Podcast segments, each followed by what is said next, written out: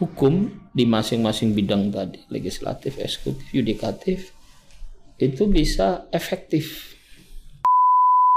Penguatan tugas dan fungsi kewenangan BPHN agar menjawab apa yang memang benar-benar dibutuhkan oleh masyarakat.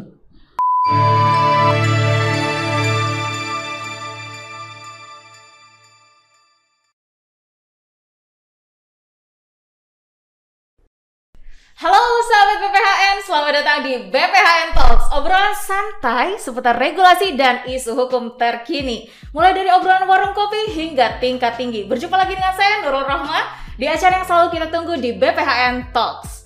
Pada episode kali ini, BPHN Talks telah menyiapkan satu segmen khusus yang sangat spesial karena tamu yang kita hadirkan pada episode kali ini adalah salah satu tokoh peraturan perundang-undangan Indonesia yang cukup dikenal oleh halayak.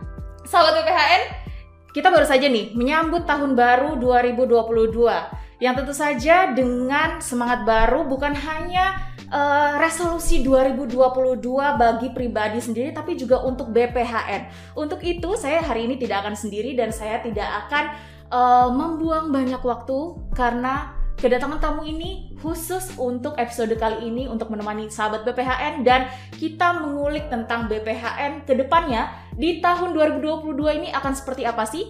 Langsung saja kita sambut Kepala Badan Pembinaan Hukum Nasional Profesor Dr. Widodo Eka Cahyana. Apa kabar Prof? Baik, baik. Luar biasa hari ini Profit bersedia untuk hadir pada uh, segmen BPHN Talks. Untuk itu, sahabat BPHN, kira-kira akan kita bahas apa saja sih atau akan kita ulik apa saja nih ilmu dari Profit dan kita akan membahas atau mengulik banyak tema atau bahasan terkait BPHN ke depannya akan seperti apa. Tetap di BPHN Talks karena sesaat lagi kita akan melanjutkan pembicaraan obrolan kita dengan Profit.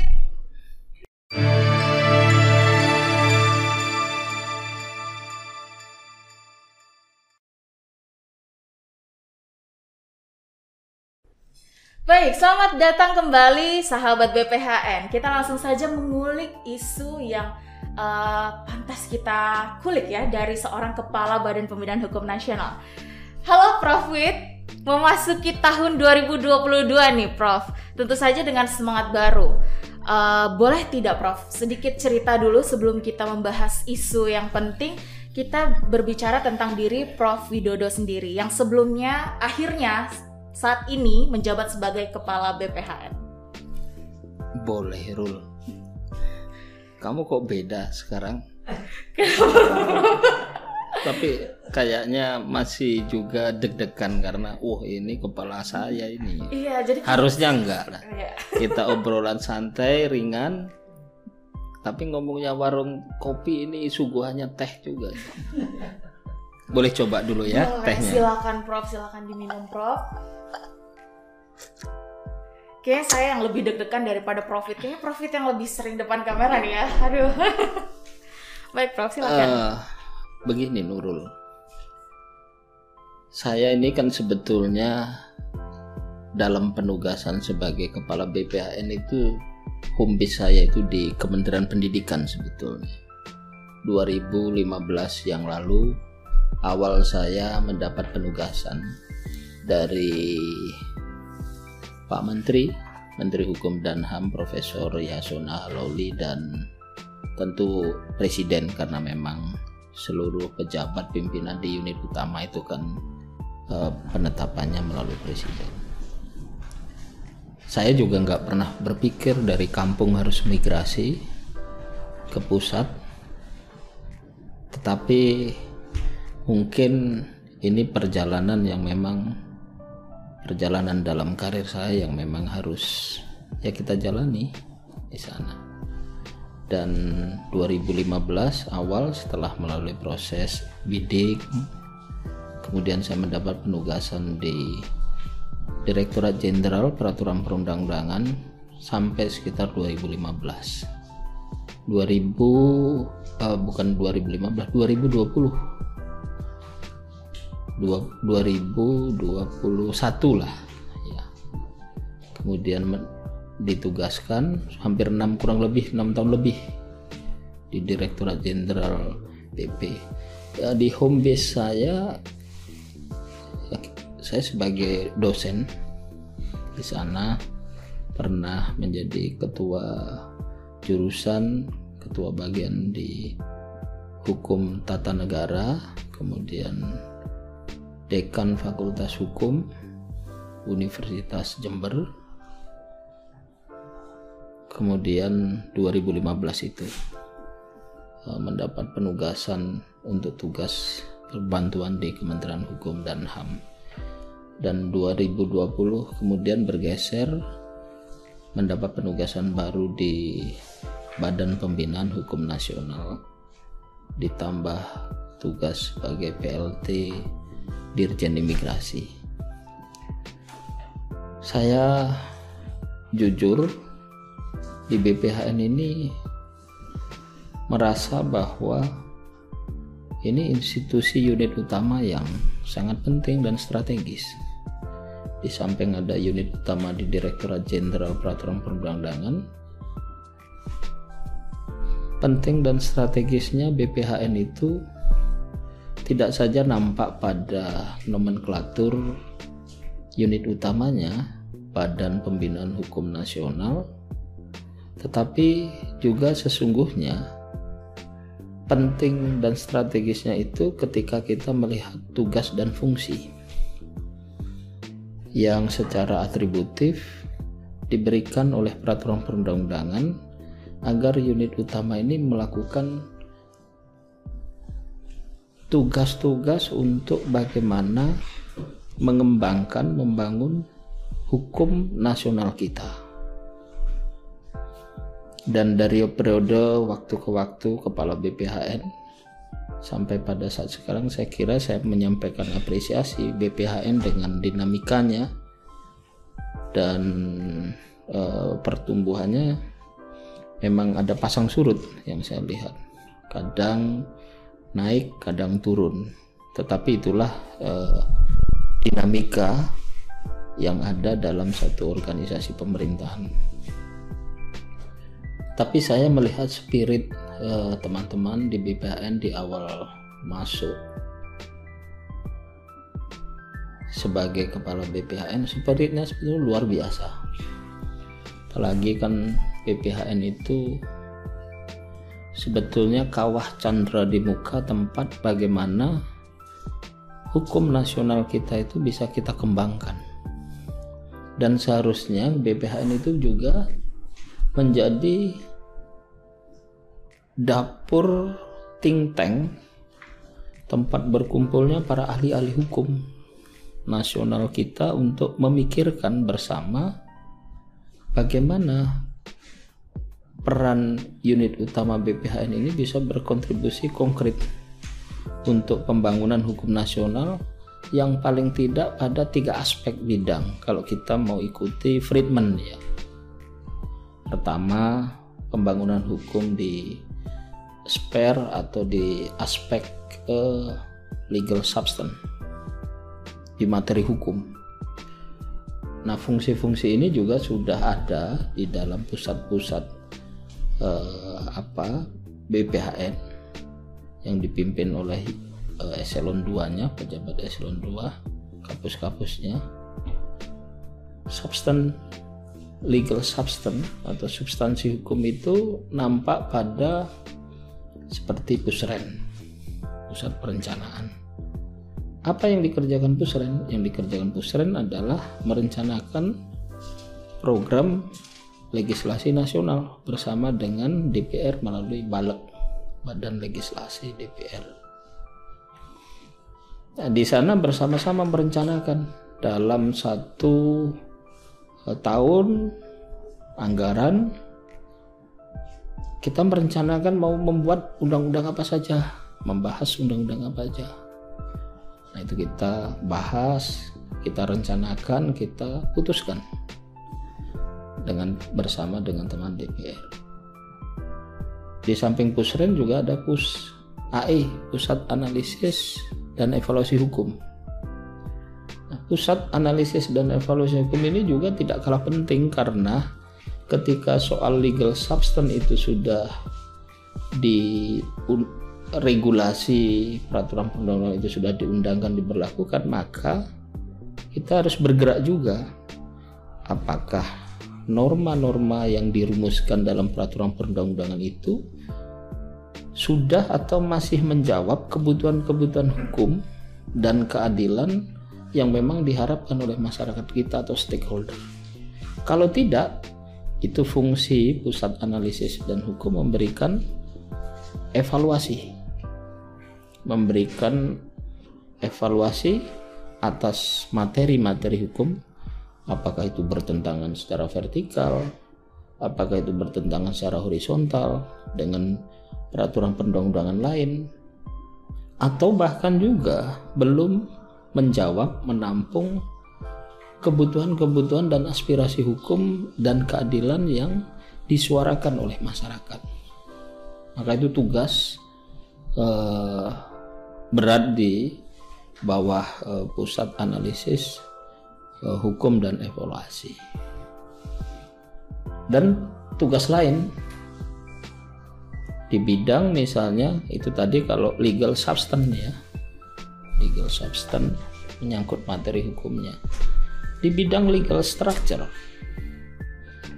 legal structure ini bagaimana agar struktur organisasi kelembagaan peranata-peranata hukum nasional kita apa yang ada di bawah eksekutif legislatif ataupun uh, yudikatif kan kalau yudikatif itu kan hakimnya tapi kalau sudah eksekutif itu sekjen, Mahkamah Konstitusi, kemudian bersama organ di bawahnya, di bawah. Kemudian sekjen di Mahkamah Agung itu kan organ eksekutif. Mereka unit utama di lembaga yudikatif di sana. Kalau di legislatif ada badan keahlian. Itu sebetulnya juga perpanjangan organ eksekutif yang diperbantukan di legislatif. Sama seperti unit eselon 1 yang ada di M, Mahkamah Konstitusi. Dan maka dia e, memiliki tugas dan fungsi untuk bagaimana mendevelop pembangunan hukum baik dari sisi substance, legal substance maupun legal structure. Menata agar pelayanan hukum di masing-masing bidang tadi legislatif, eksekutif, yudikatif itu bisa efektif dan dapat organ-organ kelembagaannya, tugas dan fungsi kewenangannya itu benar-benar dapat menjawab kebutuhan hukum dan keadilan yang diharapkan oleh masyarakat atau para pencari keadilan. Nah, ini tugas besar BPHN yang semestinya sekarang harus mulai eh, kita sama-sama bersama saya bersama seluruh kapus dan seluruh insan di BPHN kita mencoba untuk terus mendevelop, mengembangkan penguatan tugas dan fungsi kewenangan BPHN agar menjawab apa yang memang benar-benar dibutuhkan oleh masyarakat dan apa yang diharapkan oleh para pemimpin kita, Pak Menteri, Presiden kita, terus stakeholder lainnya, kementerian, lembaga maupun daerah, agar terbentuk atau tercipta satu sistem hukum nasional yang tertib, memiliki kepastian, dan eh, benar-benar menjadi instrumen yang mampu menjawab keadilan yang dibutuhkan oleh para pencari keadilan justisia belen atau e, masyarakat. Itu dari legal structure. Maka pembenahan-pembenahan hukum. Misalnya sekarang mau kita gagas e, pengadilan tinggi tata usaha negara. Ini aspek legal structure kata Friedman. BPHN harus memberikan kontribusi melalui kajian-kajian dan telahnya atas seluruh kebijakan peraturan perluda ini. Kalau kita membangun nanti kita selaraskan misalnya dengan kita analisis evaluasi nanti. Eh, kebijakan-kebijakan itu selaraskan secara horizontal dengan regulasi lain kebijakan lain dan sebagainya. Oh perlu juga dikembangkan satu peradilan khusus. Di bidang misalnya uh, hukum keimigrasian misalnya untuk menangani perkara-perkara keimigrasian. Misalnya ada kotak seperti itu. Maka kira-kira perangkat legal structure-nya seperti apa? BPHN harus menjadi dapur think tank yang bisa memberikan konsep dan alternatif-alternatif desain kebijakan yang bisa digunakan oleh stakeholder kita baik di wilayah eksekutif, legislatif maupun yudikatif. Memang tidak bersifat final tapi paling tidak bahan-bahan itu bisa menjadi bahan yang bisa kita dialektikakan, bisa kita diskusikan sehingga menjadi satu konsep dan desain yang bagus dan uh, dapat kita implementasikan. Berarti harapannya gagasan atau desain pokoknya itu harusnya dari BPHN. Harusnya atau? dari BPHN di sana Nurul. Yang berikutnya adalah legal culture, kata Friedman. Kalau membangun hukum itu kan tidak hanya aspek substansi, struktur hukum, tetapi juga budaya atau perilaku hukum. Dan di BPHN, pusat-pusatnya itu sudah mengarah ke sana. Di tiga di sana. Pembentukan hukum, kemudian pelayanan hukum. Untuk mengembangkan bagaimana budaya hukum yang baik, berhukum yang baik, agar sistem hukum nasional kita, penegakan, pelaksanaan, dan penegakan hukum kita berjalan sesuai dengan prinsip-prinsip negara hukum, pemerintahan berdasar hukum, sesuai dengan keadilan yang benar-benar diharapkan oleh masyarakat, maka pusat penyuluhan hukum, dokumentasi dan informasi hukum dua pusat ini juga menjadi bagian yang sangat strategis dan ini harus diketahui oleh masyarakat maupun stakeholder kita bahwa di BPHN itu kalau mencari data, mencari informasi, mencari dokumentasi tentang hukum, oh itu larinya nanti ke JDIH di Pusat Dokumentasi dan Informasi Hukum. Oh itu ada di BPHN. Dan saya menyampaikan apresiasi nih kepada Kapus JDIH Pak Yasmun yang sejak awal bergabung di sini sampai sekarang sudah banyak yang dilakukan untuk memperkuat jaringan JDIH yang diperintahkan oleh Presiden masuk ke seluruh stakeholder kita di pusat maupun daerah. Ini pekerjaan yang luar biasa yang mencoba menghubungkan agar apa? Karena JDIH itu bagi saya adalah instrumen. Ya tool. Tool yang digunakan untuk bagaimana membangun perilaku hukum masyarakat melalui teknologi informasi yang terhubung satu sama lain dan bisa dimanfaatkan oleh satu sama lain. Tentu saya juga mengarahkan, menitipkan juga kepada uh, pusat dokumentasi informasi hukum ini agar semua informasi yang tersaji di JDIH, JDIH di bawah koordinasi BPHN ini harus benar-benar informasi yang sahih, yang valid.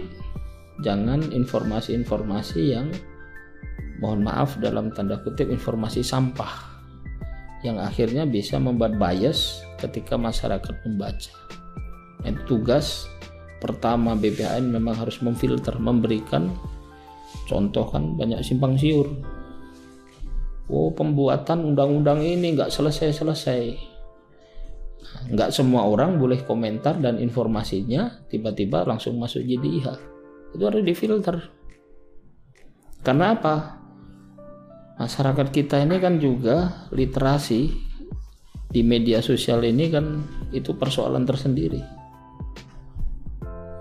membaca media informasi di sana tidak tahu itu siapa yang menyampaikan itu ditelan mentah-mentah di sana nah itu maka tanggung jawab JDIH supaya apa? Membentuk perilaku hukum tadi. Jangan karena informasi, data-data yang kita suguhkan masyarakat kita kemudian malah bertindak berperilaku yang bertentangan dengan peraturan hukum. Jadi fungsi-fungsi itu saya kira sudah cukup bagus dan tinggal sekarang adalah melakukan penajaman fungsi. Kalau bahasa saya reinforcement, peng penguatan lagi fungsi itu sehingga saya berharap BPAN segera bisa bertransformasi dan pada saatnya nanti dia akan menjadi satu direktorat jenderal pembinaan dan reformasi hukum nasional. Ini sedang digodok saya kira dengan Pak Ses, para kapus dan seluruh teman-teman BPAN. Mudah-mudahan gagasan itu uh, bisa segera kita wujudkan termasuk penambahan penguatan tugas fungsi salah satu BPAN adalah melakukan audit hukum audit hukum itu kita arahkan pada bagaimana kepatuhan stakeholder kita, kementerian maupun lembaga dan pemerintahan daerah dalam menjalankan peraturan perundang-undangan secara konsisten. Nggak boleh membuat peraturan bertentangan secara vertikal dengan peraturan yang lebih tinggi. Nggak boleh bertentangan dengan asas-asasnya. Nggak boleh secara horizontal bertentangan dengan ini. Dengan peraturan yang sesamanya. Nah ini yang tugas saya kira nanti di bawah pusat analisis dan evaluasi kita harapkan ada penguatan tusi tentang audit hukum yang outputnya itu akan melihat nanti oh sampai segini ternyata tingkat kepatuhan kementerian atau lembaga atau daerah dalam menjalankan uh, peraturan perundang-undangan. Nah, mudah-mudahan uh, tugas dan fungsi itu uh, dapat segera kita wujudkan sehingga akan memberikan penguatan pada peran strategis untuk membina hukum nasional kita. Nah, kira-kira seperti itu Nurul. Baik, cukup menarik ya sahabat BPHN. Satu pertanyaan saya padahal hanya untuk diri Prof dulu tapi ternyata langsung dibahas dinamika bagaimana perkembangan dan perubahan BPHN itu sendiri. Nah, kalau kamu nggak kasih tahu aku di awal ya Tidak masalah. kita langsung babat aja. langsung tadi kita dapat sekali terkait dengan arahan dari langsung kepala BPHN hmm. kepada kampus, kemudian ada dinamikanya sendiri dan juga harapan uh, ke depannya BPHN seperti apa dari Profit luar biasa sahabat BPHN dan tadi juga Profit ternyata backgroundnya sendiri adalah akademisi awalnya berarti ini salah satu atau banyak sahabat BPHN yang menonton ini juga banyak alumni atau mahasiswanya Profit nih. Kita tadi udah dapet kuliah umum juga sebenarnya ya tentang tugas dan fungsi BPHN luar biasa tamu kita pada segmen kali ini. Prof, Rul, uh, Rul, ya, Rul. Jangan hiperbol begitu dong. Tapi Profit memang salah satu favorit saya sih sejak masa kuliah karena enggak uh, karena aku jadi kepala kamu tidak aja. loh Prof. Prof itu mendapatkan gelarnya Profesor Doktor itu di usia yang masih muda. Itu kayak mimpi semua mahasiswa bahwa under 30 itu harus sudah masuk Forbes itu harusnya salah satunya Profit. Enggak, enggak juga. Masih banyak yang lain. Sekarang karena patokannya atau pionernya mungkin Profit pada masanya. Prof, tadi sudah ngomongin tentang strategi atau dinamika BPHN selanjutnya akan seperti apa bahkan arahan. Kalau untuk uh, tantangannya sendiri pasti BPHN di usianya terutama di tahun 2022 ini uh, sebagai salah satu unit utama di Kemenkumham sebenarnya yang memiliki tugas dan fungsi melakukan pembinaan hukum. Itu kan salah satu uh, pembinaan. Kata pembinaan itu cukup luas apalagi apalagi dengan tugas dan fungsi BPHN memiliki pusat-pusat yang bisa jadi uh, beda. Misalnya pusat perencanaan, kemudian analisis evaluasi mungkin itu masih bisa sejalan. Tapi bagaimana dengan penyuluhan hukum, kemudian ada uh, eh, JDIH sendiri, kan fungsinya bisa dikatakan bahwa uh, berbeda seperti itu. Untuk tantangannya ke depan, Prof. Bagaimana sebenarnya strategi BPHN dalam mengoptimalisasi perannya dalam melakukan pembinaan hukum? Ini yang sejak awal juga 2015 ketika saya mencoba berdiskusi di Direktorat Jenderal di internal Direktorat Jenderal Peraturan Perundang-undangan. Saya coba pelajari telisik bagaimana sih sejarah kelembagaan uh, di JNPP unit utama yang saya pimpin kala itu itu seperti apa? Saya telusuri ternyata ini anak kandung BPHN dulu ternyata direktorat sebelum menjadi unit utama yang namanya Direktorat Jenderal Peraturan Perundang-undangan dia pernah menjadi direktorat juga di bawah BPHN entah pusat atau atau direktorat itu.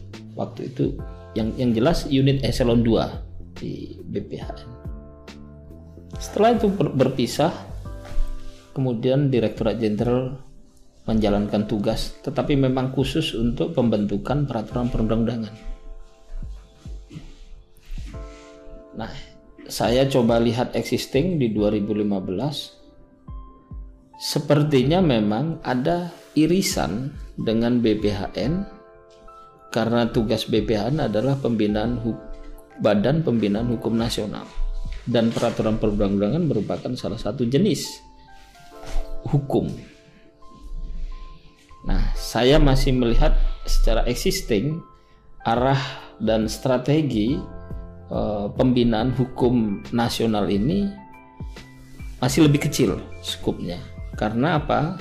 Setelah kita detailkan kita lihat di bawah tusi dan uh, struktur yang ada, makna Badan Pembinaan Hukum Nasional ini sepertinya dalam implementasi dipersempit pada hukum tertulis Schrevenrecht.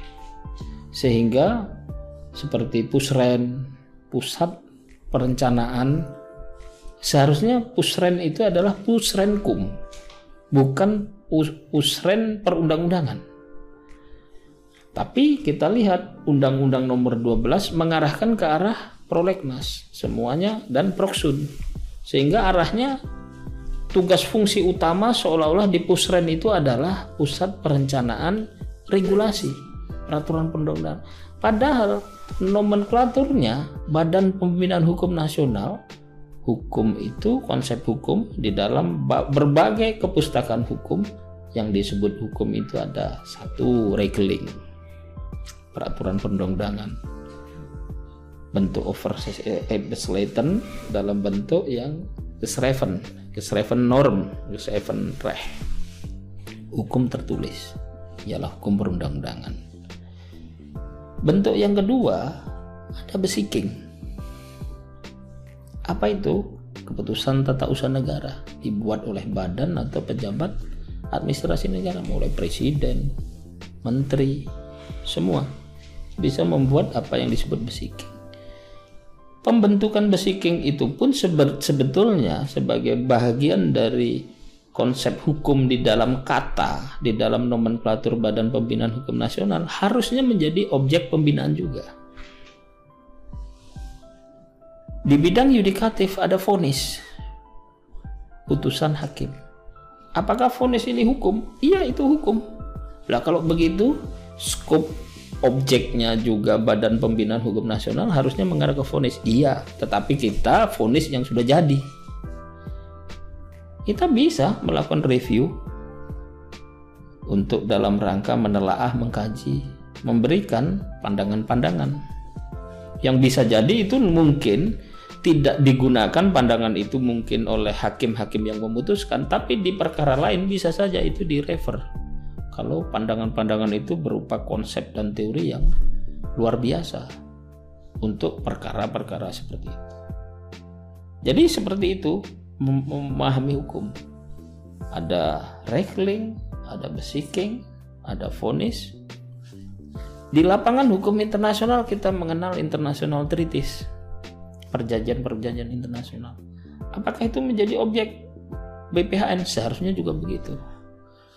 Di dalam sistem hukum nasional kita itu juga ada hukum agama Apakah itu juga? Iya, hukum agama itu juga menjadi bagian dari sistem hukum nasional kita juga. Ada prinsip-prinsip asas-asas yang universal dalam agama, dia bisa menjadi asas. Jadi sistem nilai yang membangun norma hukum yang dibentuk dalam satu sistem peraturan perundang-undangan atau hukum negara. Di luar hukum negara, kita juga punya hukum adat. Apakah hukum adat konsepnya Van Vollenhoven masih relevan atau enggak? Praktek menunjukkan masih ada. Hukum adat di Minangkabau, di Persekutuan Hukum Masyarakat Adat, Batak, Bali, entah menyangkut sistem kelahiran, perkawinan, keluarga, warisan, hukum agama juga berkembang. Bahkan sekarang banyak sekali prinsip-prinsip di dalam hukum Islam di ekonomi syariah. Perkembangannya luar biasa. Walaupun juga nggak luput dari diskusi antara setuju dan tidak. Tapi itu wajar lah di dunia keilmuan dialektika itu muncul di sana. Nah, saya melihat bahwa ke depan BPHN itu seharusnya menjangkau skup yang luas itu dan tidak terjebak pada objek dan skup yang hanya meliputi peraturan perundang-undangan. Peraturan perundang-undangan itu sudah dikerjakan Direktorat Jenderal PP, sudah kerjakan aja di sana. Di luar itu BPAN bisa masuk kepada wilayah-wilayah tadi. Nah, itu sih sebetulnya mimpi saya ketika mendapat amanah ini ya kita harus mau transformasi dan saya melihat semangat para kapus Pak Ses juga seluruh teman-teman eh, pejabat baik administrasi sekarang pejabat fungsional analis juga punya, punya spirit untuk melakukan transformasi dan ini modal dasar agar BPHN ke depan lebih berkontribusi untuk pembangunan hukum nasional kita. Boleh minum enggak dulu? Boleh, karena kita sudah di kode sahabat BPHN tiga kali batuk Prof. Wit loh. Sehingga kita sepertinya harus break sejenak karena kita akan membahas lebih banyak lagi. Tadi sudah dijawab terkait dengan tantangannya. Ternyata BPHN selama ini tuh memiliki skop yang cukup luas tapi belum banyak yang di apa ya yang digali ya Prof ya. Sehingga kita akan mengulik lebih banyak lagi. Kita akan me mengulik lebih banyak terkait peran BPHN apalagi strateginya ke depan yang harusnya lebih luas lagi yang bisa dilakukan oleh BPHN kita kembali sejenak dan tetap di BPHN Talks